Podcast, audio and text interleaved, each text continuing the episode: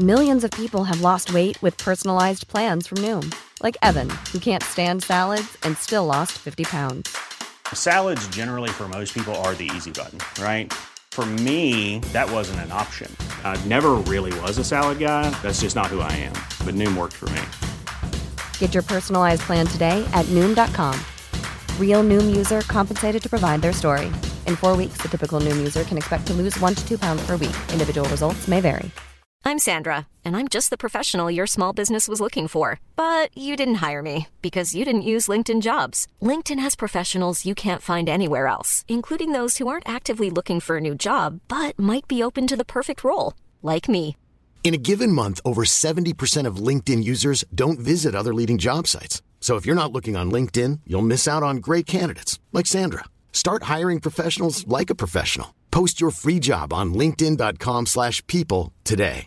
Hey, I'm Ryan Reynolds. At Mint Mobile, we like to do the opposite of what Big Wireless does. They charge you a lot, we charge you a little. So naturally, when they announced they'd be raising their prices due to inflation, we decided to deflate our prices due to not hating you. That's right. We're cutting the price of Mint Unlimited from $30 a month to just $15 a month. Give it a try at mintmobile.com slash switch. $45 upfront for three months plus taxes and fees. Promo rate for new customers for limited time. Unlimited more than 40 gigabytes per month. Slows. Full terms at mintmobile.com.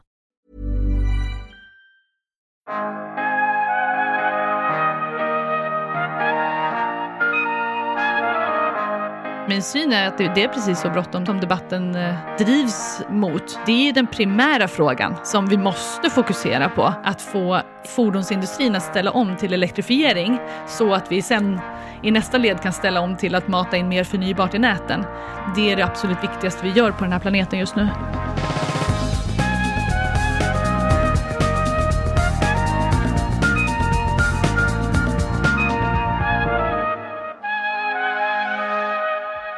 Hej och välkomna till veckans avsnitt av podden Allt du behöver veta om ny teknik. Jag heter Per Danielsson och den här veckan ska vi bland annat prata om hur stor egentligen den globala batteriproduktionens klimatpåverkan är.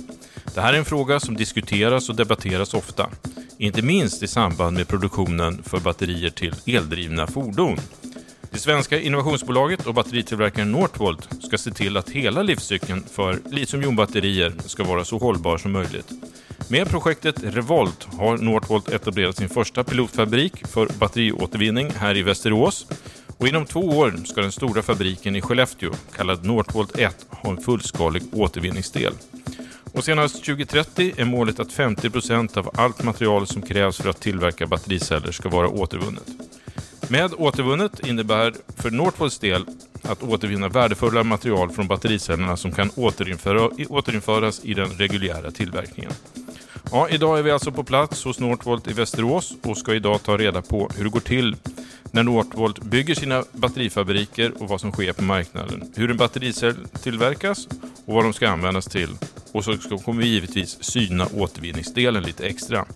Och den som ska ge oss svaren är professor Emma Nerenheim som tagit klivet från ABB till rollen som hållbarhetschef på Northvolt. Here's a cool fact a crocodile can't stick out its tongue. Another cool fact you can get short term health insurance for a month or just under a year in some states.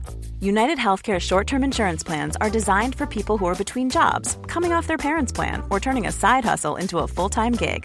Underwritten by Golden Rule Insurance Company, they offer flexible, budget friendly coverage with access to a nationwide network of doctors and hospitals. Get more cool facts about United Healthcare short term plans at uh1.com. Even on a budget, quality is non-negotiable. That's why Quince is the place to score high-end essentials at 50 to 80% less than similar brands. Get your hands on buttery soft cashmere sweaters from just 60 bucks, Italian leather jackets, and so much more. And the best part about Quince, they exclusively partner with factories committed to safe, ethical, and responsible manufacturing. Elevate your style without the elevated price tag with Quince. Go to quince.com slash upgrade for free shipping and 365-day returns. Many of us have those stubborn pounds that seem impossible to lose, no matter how good we eat or how hard we work out. My solution is PlushCare. PlushCare is a leading telehealth provider with doctors who are there for you day and night to partner with you in your weight loss journey. They can prescribe FDA-approved weight loss medications like Wagovi and Zepbound for those who qualify. Plus, they accept most insurance plans. To get started, visit plushcare.com slash weight loss. That's plushcare.com slash weight loss. Since 2013, Bombas has donated over 100 million socks, underwear, and t-shirts to those facing homelessness. If we counted those on air, this ad would last over 1,157 days. But if we counted the time it takes to make a donation possible, it would take just a few clicks. Because every time you make a purchase, Bombas donates an item to someone who needs it. Go to bombas.com slash ACAST and use code ACAST for 20% off your first purchase. That's bombas.com slash ACAST, code ACAST. I'm Sandra, and I'm just the professional your small business was looking for. But you didn't hire me because you didn't use LinkedIn jobs. LinkedIn has professionals you can't find anywhere else, including those who aren't actively looking for a new job but might be open to the perfect role, like me. In a given month, over 70% of LinkedIn users don't visit other leading job sites. So if you're not looking on LinkedIn, you'll miss out on great candidates like Sandra. Start hiring professionals like a professional. Post your free job on linkedin.com/people today. Hej och välkommen till podden Emma. Hej, tack så hemskt mycket. Vi sitter ju här på Northvolts anläggningar i Västerås. Kan inte du lite kort berätta var vi är någonstans och vad, vad ni bygger här? Här i Västerås så bygger vi då just nu en, en eh, återvinningsanläggning och vi bygger kontor och konferensrum med det, men vi sitter ju precis bredvid det som vi kallar för Northvolt Labs, eh, som är en färdigbyggd fabrik, där vi jobbar med industrialisering av battericeller för våra kunder ute på marknaden i Europa. Det här är alltså en provanläggning för återvinning här i Västerås då, som då, om jag har förstått saken rätt, ska hantera cirka 100 ton battericeller per år. Stämmer det? Ja, det stämmer. Och den här tekniken som ni har utvecklat har ni gjort tillsammans med Chalmers bland annat för att kunna återvinna då kobolt, litium, mangan och nickel. Eh, kan du berätta lite om den här tekniken, hur det här funkar? Ja, det här är ju liksom en, en man kallar det för reverse process, men det är liksom en process där man, man tar liksom allting egentligen bakvägen. Så att vi får in batteripack ifrån marknaden. Det kan vara ett bilpack från en, till exempel en BMW i3 eller något liknande. Eh, som av någon anledning har blivit skadat. Eh, och sen tar vi in det hit. Vi laddar ur det. Eh, så först så gör vi någon typ av diagnos kan man säga och tittar på hur mår det här packet, vad är det som har gått fel och så. Och sen så laddar vi ur det ända ner till noll. Och så kortslutar vi batteriet. Och sen så tar vi isär det. Eh, och sen krossar vi cellerna. Så att det blir aluminiumfolie för sig, kopparfolie för sig eh, och lite andra fraktioner. Men framförallt så får vi ut ett svart pulver som kallas för black mass. Och i det pulvret så finns alla de material som man har i det som heter katoden. Nickel, mangan, kobolt och litium. Eh, och sen så tar vi det pulvret in i en våtkemisk process där vi utvinner, så det blir som ett raffinaderi kan man säga. Mm. Hur många battericeller motsvarar ett ton ungefär? Eh, ja, det beror på vilka battericeller, men Eh, vi, för vi producerar i Norge producerar vi ju ganska så små cylindriska celler och ganska så stora prismatiska celler. Och ett prismatisk cell är ju ungefär lika stor som ett VHS-batteri. så det kan du ju själv tänka att det blir liksom eh, färre.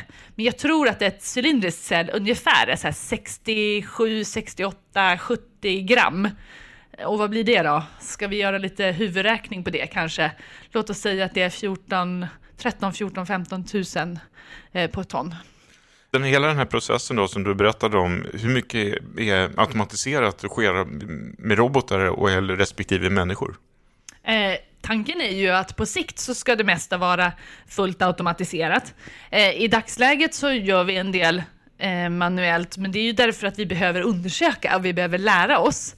Eh, och idag så kommer det ganska små volymer tillbaka från marknaden för att eh, elbilsmarknaden är ju ganska ny. Så det är inte så mycket batterier som har nått livets slut. Men om vi tänker oss 2030 när vi har skalat i Europa och vi har en, en försörjningskedja som är helt europeisk på batterier, då måste vi börja automatisera det, för att då kommer flödena tillbaka vara så stora. Mm. Vi gick ju, när vi kom in i den här lokalerna så gick vi igenom de olika stegen och där var bland annat en robot från ABB. Är det ABB ni kommer samarbeta med när det gäller automatisering så mycket som möjligt? Eller? men vi samarbetar ju med flera eh, och vi har ju starka partnerskap. Eh, ABB har ju levererat den här roboten eh, och det var för att vi behövde en stor, tung, bra eh, robust och stadig robot. Men, men eh, jag ser framför mig att vi kommer ha flera olika samarbetspartners och ABB har vi ju jobbat med i jättemånga teknologiområden. Eh, så det kan mycket väl vara så. Det kan jag Mm. tänka mig. Hur, mycket av de här metallerna i ett batteri kan man egentligen eh, återvinna? Är det 90% eller 95 eller 50 Eh, ja, men vi ligger väl på kanske ungefär 95 nu. Eh, och vi tror att vi kommer att eh, kunna klara och, och, och öka det. Det som är viktigt, det är ju att inte bara återvinna det, utan också återvinna det i rätt renhet. För batterimaterial måste vara väldigt rena. Eh, Men finns det någon, någon gräns för hur många gånger man, när, väl ett batteri har gått igenom och ni har återvunnit det och så kommer det tillbaka sen när det har blivit uttjänt nästa gång? Kan man liksom hålla på en evighet i det här? Alltså i, i, teoretiskt så kan man ju det, därför att de här eh, ämnena som vi återvinner, det är ju grundämnen. Eh, och de har ju, vissa säger så här, ja men om de inte är jungfruliga, ja men alla de här metallerna har ju funnits sedan jordens uppkomst. De är ju alla påverkade av, på olika sätt. Eh, det som är viktigt är ju att, eh, att de kommer tillbaka till sin elementära form, eh, så att vi, vi lakar dem så att de blir eh, fria joner. Och för att separera de här olika metallerna då så använder ni samma pr- process för varje metall eller finns det något åt, skiljer det sig åt någonting? Det skiljer sig helt åt faktiskt. Så att eh, det är ett processsteg nästan för varje ämne som man utvinner. Ja, hur ser det ut för just litium då? Litium det kommer sist i processen. Eh, det gör man lite olika. Men eh, i vårat fall så, så handlar det om att få så lite som möjligt av det andra kvar. Eh, och sen så eh, tar man ut eh, ett litiumsalt som man, som man tvättar kan man säga. Och det gör ni här? i- Det gör vi här. Ja. Och vad händer sen då när ni har gjort det här klart? Vad, är, liksom, vad, är, vad händer med metallen då?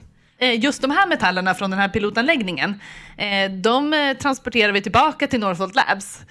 Och sen så tar vi in dem i det som heter upstream, eller materialprepareringsprocessen. Och sen så är ju tanken att det ska bli nya batterier av dem. Eh, och idag så går de till någonting som heter katodlabbet, där det finns en pilotanläggning, så att vi eh, eh gör testceller med vårt material. Mm. Eh, er återvinningssatsning här är ju rätt eh, ovanlig, inte minst ur ett europeiskt perspektiv. Och det vanliga är väl egentligen att litium från uttjänta batterier inte tas tillvara på. Eh, vad är det som gör att ni tror att ni kan få lönsamhet i det här? Eh, det är flera saker som gör att vi kan få lönsamhet. Eh, det är samma saker som det är med den andra batteriproduktionen. Det är skala, det är tillgänglighet och så vidare. Men sen så handlar det ju framför allt om att eh, vi har liksom designat en process som är lite smartare. Så vi, vi har tänkt och optimerat med lönsamhet som den huvudsakliga parametern. Och det det har egentligen varit ett, ett arbete som har pågått i tre och ett halvt, nästan fyra år. Eh, att, eh, att styra om hela återvinningsprocessen, det som kallas för hydrometallurgiska processen, så att den ska bli lönsam. Ja, eh, det här är ju en provanläggning där vi sa att vi skulle, vi skulle hantera 100 ton battericeller. Eh, men vilken kapacitet ska då återvinningsdelen uppe i Skellefteå ha när fabriken är klar där? Ja, den första steget som vi bygger, eh, Eh, då är tanken att det ska vara 4 gigawattimmar. Och vad är det då? Det är ungefär en fjärdedel av de här 16 som vi bygger i första fasen på produktionen. Eh, så att det innebär att vi kommer klara att, att fida med ungefär 25 procent på de här materialen. Och sån här återvinningsanläggning, kommer den finnas i, i, varje, i närheten varje fabrik ni, ni bygger upp? Ja, men det är ju klokt att göra så. Att man tänker sig att där vi har materialpreparering, där har vi också en sån här hydrometallurgisk återvinning. Eh, och sen så tror jag att när det gäller de tidiga stegen i återvinningen, då kommer de vara mycket mer kopplade till var batterierna kommer in. Eh, men den sista delen som är utvinning av själva materialen kommer vara integrerad i materialprepareringen. Vi har ju redan pratat lite om battericeller, men för den lyssnare som kanske inte är helt insatt i det här, kan inte du beskriva vad en battericell är och vad den egentligen består av? Ja, men en battericell den består ju av en anod och en katod. Eh, den här anoden och katoden, best, om vi börjar, med, vi börjar med katoden så består ju den av en aluminiumfolie som man stryker de här aktiva materialen på. Och det är ju eh, nickel, kobolt, mangan i vårt fall, eh, som har blandats till i ett lim kan man säga, eh, tillsammans med litium. Eh, och sen så har man eh, anoden som är en kopparfolie som har ett grafitlager. Och däremellan lägger man en plastfilm eh, som, som ska hålla de här separata, eh, separerade från varandra, så den heter separator, praktiskt nog. Då. Eh, och sen så varvar man de här då i en, eh, antingen om man har en prismatisk cell i en fyrkantig cell, den här som ser ut som ett kassettband ungefär. Så antingen så varvar man dem i det som heter stack, så då är det bara varannat lager, så i en fyrkantig eh, liksom platta, anod, separator, katod, separator, anod och så vidare. Eller så snurrar man dem om det är en cylindrisk cell, så då rullar man dem som om man rullar ett papper ungefär. Ni har ju fått en del eh, statliga och privata finansieringar för just återvinningsprocessen. Eh, kan du berätta liksom, vad betyder de här pengarna för er? Ja, det betyder ju allt. Och, och, när det gäller, vi har ju fått ett väldigt fint stöd från Naturvårdsverket. Och eh, när vi firade det så firade vi ju inte bara att de stöttade oss ekonomiskt, men också att vi kände att vi har det svenska Naturvårdsverkets stöd i ryggen är ju ett eh, eh kvitto men också det är en väldigt fin fjäder i hatten för ett nystartat bolag att ha fått ett sådant förtroende. Ni har ju också tidigare sagt att ni har ambitionen att använda närproducerade råvaror så mycket som möjligt i er produktion. Men exempelvis litium köps väl in från Kanada idag? Eh, och hur ser framtiden ut för att använda mer närproducerade råvaror? Ja, men, eh, vi köper litium och, alltså, från lite olika källor också, men eh, man kan väl säga att eh, vi skulle ju vilja bygga en skandinavisk och nära råvarukedja. Eh, litiumkällor i Europa är ganska utspridda. Det är, det är inte så att det finns liksom en enda stor gruva man kan börja gräva i. Eh, och det tar dessutom ganska lång tid att bygga upp gruvor. Men eh, vi hör ju från många håll nu att det kommer initiativ. Det kommer initiativ både på att öppna upp och ta restprodukter från annan gruvproduktion. Då finns litium tillgängligt bland annat. Eh, och vi hör att det finns restprodukter kopplade till eh, gamla slagger och så vidare. Och allt det här är ju såklart jätteintressant. Och vi, jag ser fram emot när när vi börjar se liksom att de här initiativen börjar industrialiseras. Och då är vi jätte, jätteintresserade av att vara med och, och vara köpare. Mm. Jag tänkte att vi skulle bli lite mer konkreta och att du skulle ta med oss lite steg för steg om en battericells livscykel. Ja. Så jag går in i bilhandeln och köper en ny elbil. Hur har då tillverkningen sett ut från det att råvarorna bryts i gruvorna till att batteriet sitter på plats i min bil? Jo, då har ju det här batteriet då antingen eh, råvaror som kommer ifrån ett gammalt batteri, så att det är återvunna material. Eh, eller så är det ifrån en gruva någonstans. Och det är lite olika, det finns ju egentligen det finns, ju, det finns ju många olika sätt att bryta råmaterial på, men antingen så kan man ju ha det som heter open pit eller så kan man ha en djup gruva i ett berg. Men eh, hur som helst så, den här gruvan, eh, det är en gruva som vi känner till väl. Eh, om det är ett Northvolt batteri som vi har besökt eh, och vi vet hur den brytningen går till. Sen så kommer det materialet eh, som eh, finns i det här batteriet, eh, det kommer ha gått till, ett, till en ut, liksom, koncentrerings och utvinningsprocess så att man utvinner väldigt, väldigt rena material. Eh, för att ett batteri ska vara säkert och prestera bra så måste man ha en extrem renhet i materialen, så det får inte finnas järn eller andra föroreningar i. Och eh, de här två första stegen, de är jätteviktiga därför att det måste höra ihop. Det är feeden som kommer till raffinaderiet, måste, vi måste veta att det är exakt de råvarorna som vi vet var de kommer ifrån som går till den, eh, till den eh, utvinningsprocessen. Sen kommer de här materialen till oss och eh, då börjar det som man kallar då för materialprepareringsprocessen i Northvolts fabrik. Eh, och då tar vi de här råvarorna som vi köper ifrån det här förhoppningsvis direkt från det här gruvbolaget. Och eh, återvinningen. Eh, och då blandas de och sen så börjar vi producera det då som heter katodmaterial. Och det är först ett pulver och sen blandar vi det med limmet innan vi stryker det på folien. Då. Mm. Och då, och då batteriet, Northvolt-batteriet sitter i min bil när jag kör ut från bilhandlaren. Sen så, jag kör rätt hårt, jag kör kanske 2-3 tusen mil per år i fem år. Mm. Va, vad händer med batteriets kapacitet under den här tiden? Ja, men det är lite olika vad det är för batteri. Men, men eh, eh, förmodligen så kommer det, om du kör hälsosamt så de första fem åren eh, så kommer det inte hända jätte, jättemycket. Eh, men efter ett tag så kommer eh, strukturen i i batteriet, alltså hur jonerna transporteras genom den här plastfirmen mellan anod och katod, att förändras. Och i sinom tid så kommer det här batteriet att behöva återvinnas. Det kan ju också hända något annat med batteriet. Eh, det kan ju vara så att du krockar. Eh, det kan ju vara så att du eh, eh, av någon anledning har köpt en bil som, som inte har ett jättebra system i sig. Det, det, kan hända något med bilen. Så det finns ju många skäl som sen gör att du behöver lämna in din bil och ditt batteri för återvinning. Men vad kostar det egentligen att byta ett batteri då i en bil som har försetts med ett Northvolt-batteri? Oj, den kostnadsbilden vet jag inte idag. Men det här kommer förändras. Alltså, om man tittar på marknaden för återvinning, så om jag får gissa lite, mm. så tror jag så här, idag så, kommer du, idag så får man betala. Om du krockar ditt batteri och det, du behöver bli av med det, så är det en kostnad. Eh, och det är en kostnad som producenten måste betala, precis som på andra produkter. Till exempel, eh, till exempel konservburkar. Nej, men lite så. Eh, och Eh, sen när du kommer till, för det, det kallas för producentansvar. Och sen så när du kommer till, jag gissar nu, men jag tror kanske om fem, sex år, då tror jag att vi kommer liksom möta den punkten när det liksom börjar gå över till att det blir en, en råvaruvärde i batteriet. Eh, så att du skulle kunna lämna bort det gratis mot råvarukostnaden alternativt att man till och med kan börja få betalt för det.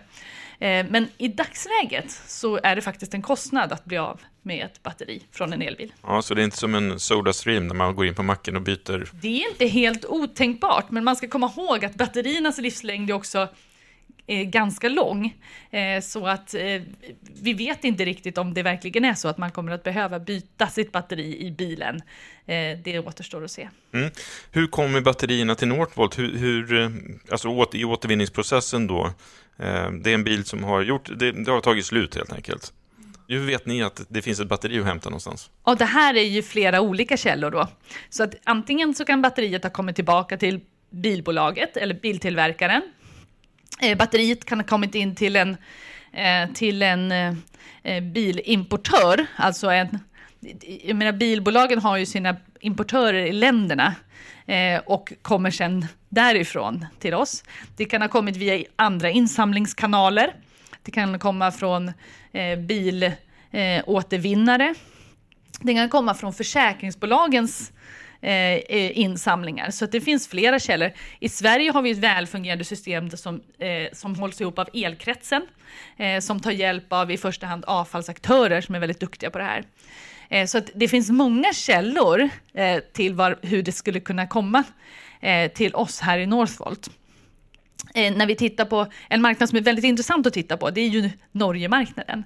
Därför att de har ju haft en mogen elbilsmarknad väldigt länge. Eh, och där har vi också aktivitet, så att vi börjar lära oss ganska mycket. Och där är det bilimportörerna som tillsammans tar ansvar för alla batterier som kommer tillbaka. Eh, och där kommer de in via en, en non-profit organisation som heter Batteriretur som, som tar ansvar för bilimportörernas batterier eh, och samlar in dem och ser till att de eh, tas, eh, laddas ur och tas isär på ett säkert sätt. För man ska komma ihåg att det viktigaste med hela den här utvecklingen eh, det är ju att vi klarar av att göra det säkert.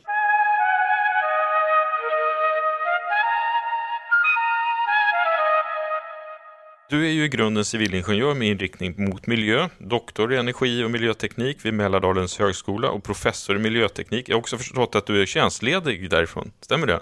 Ja, men det stämmer. Jag, jag har en professur kvar på Mälardalens högskola.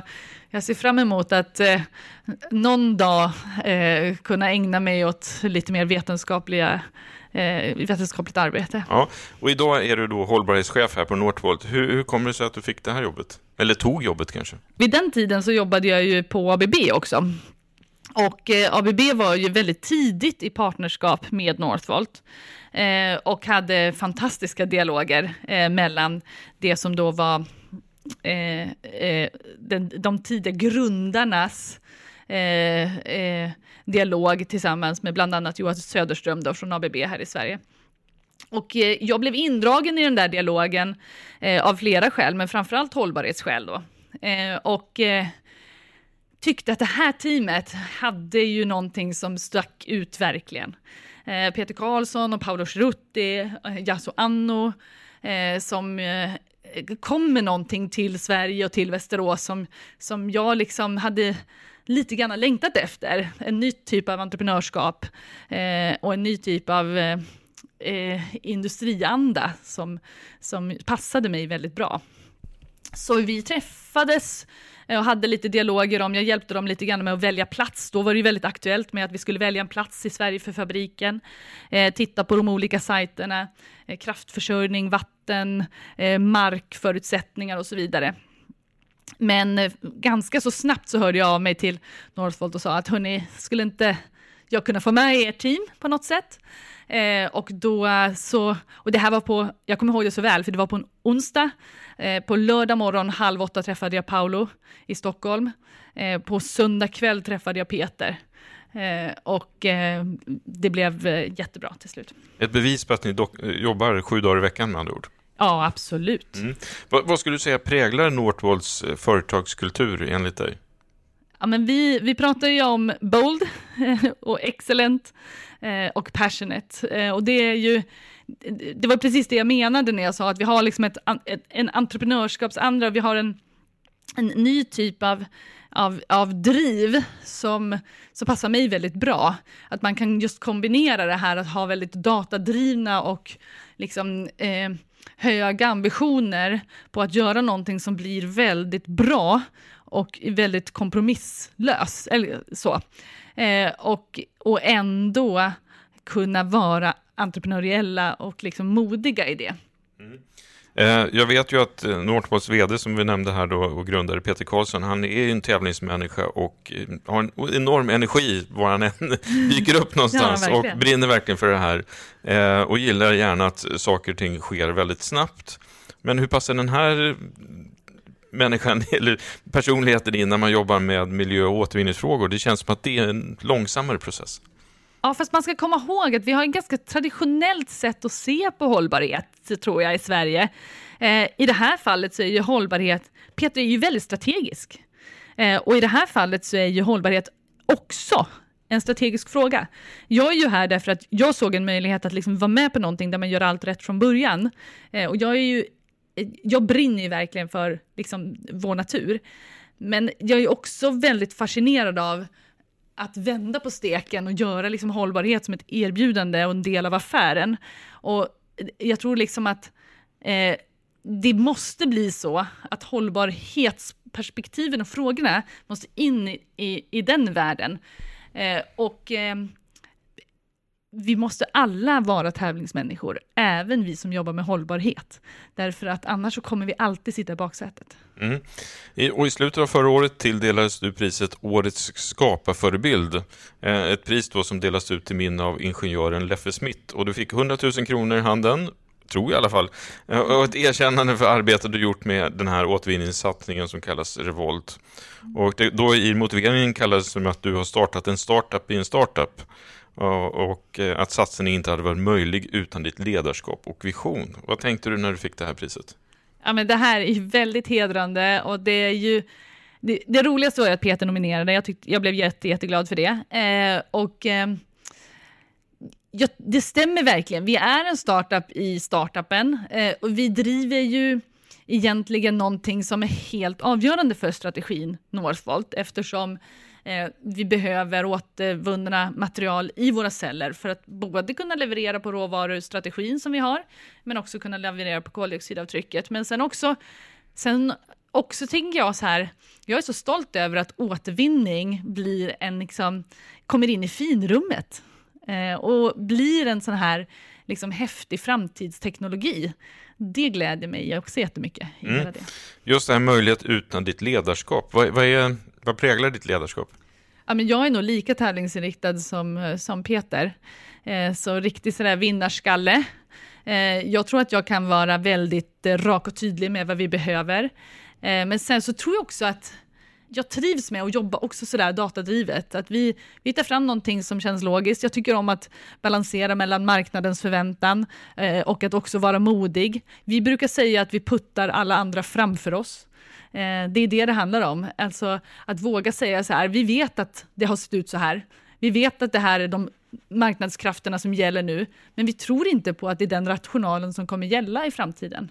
Nej, men ni, ni har en, det är en modell, alltså ni bygger ju en basindustri på en helt ny modell. Exakt.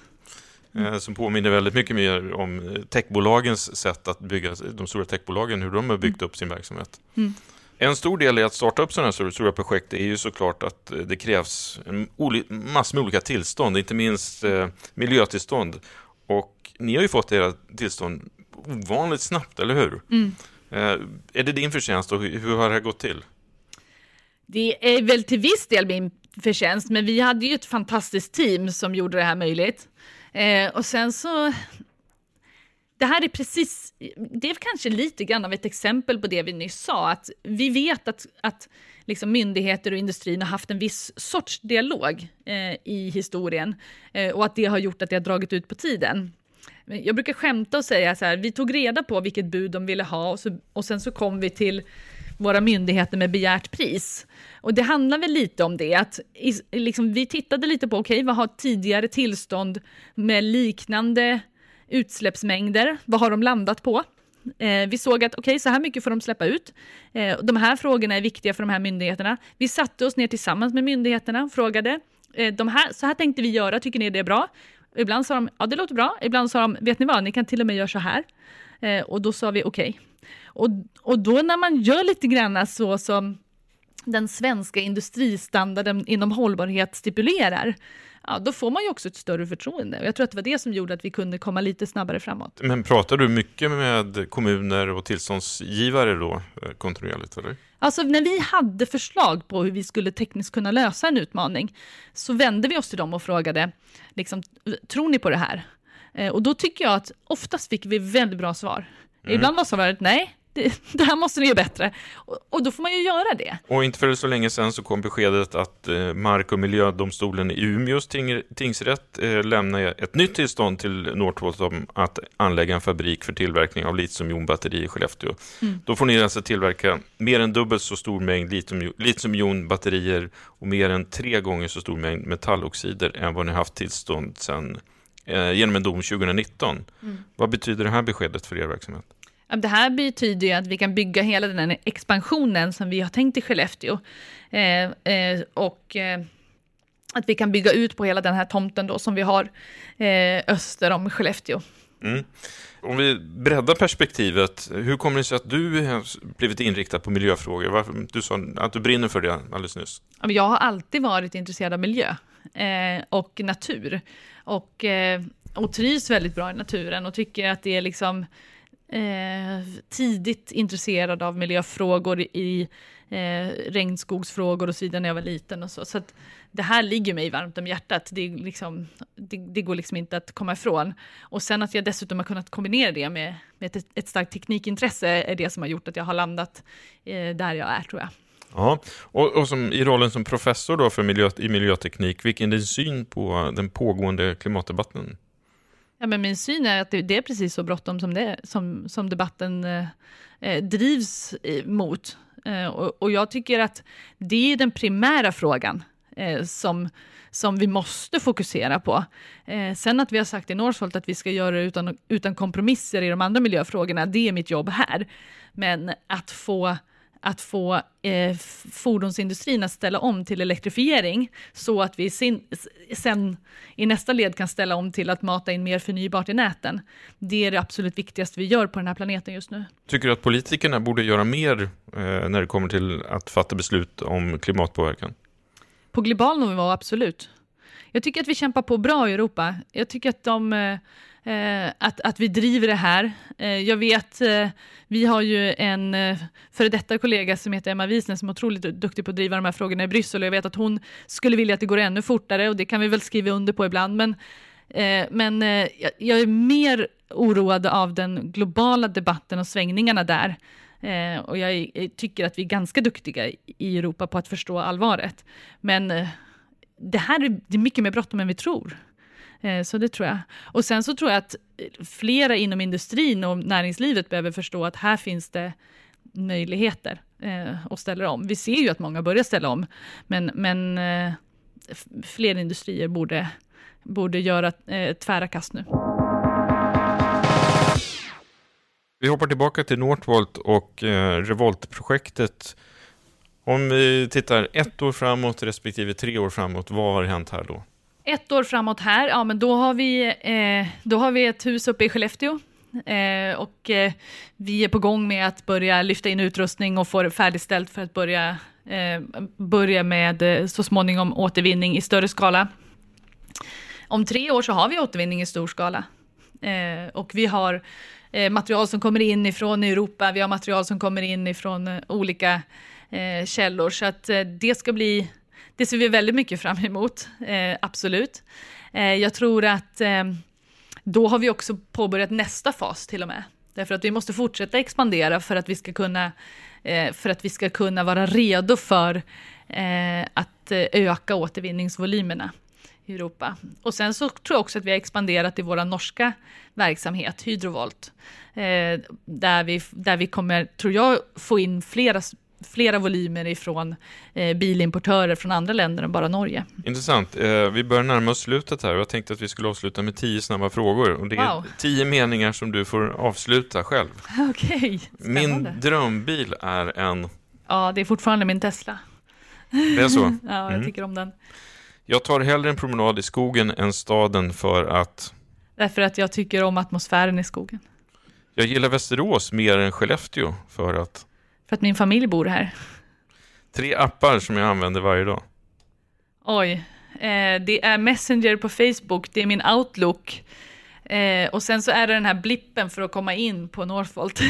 Jaha, ni, ni är inte chippade här? Nej, vi har i mobilen en app.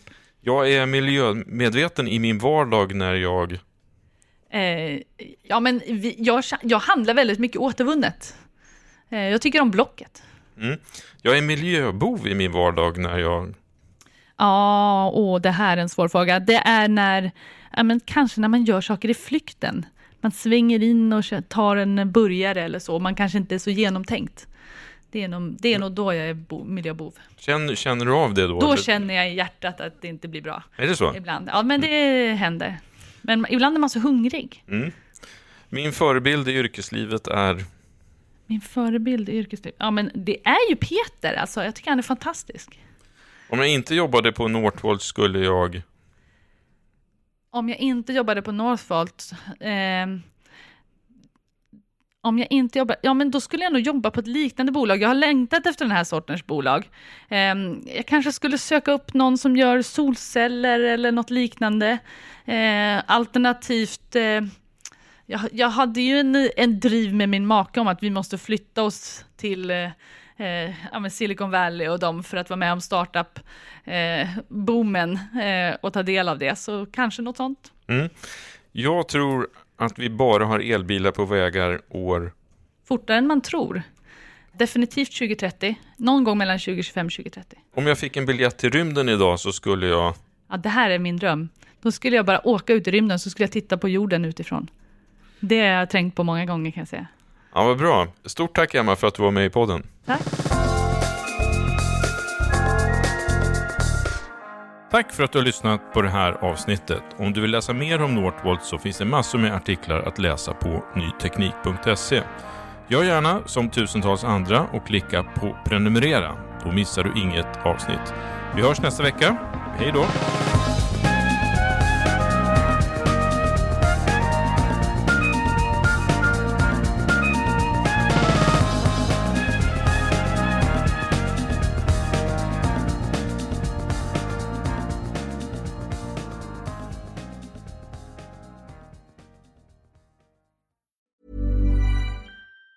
Even on a budget, quality is non-negotiable. That's why Quince is the place to score high-end essentials at 50 to 80% less than similar brands. Get your hands on buttery soft cashmere sweaters from just 60 bucks, Italian leather jackets, and so much more. And the best part about Quince, they exclusively partner with factories committed to safe, ethical, and responsible manufacturing. Elevate your style without the elevated price tag with Quince. Go to quince.com slash upgrade for free shipping and 365-day returns.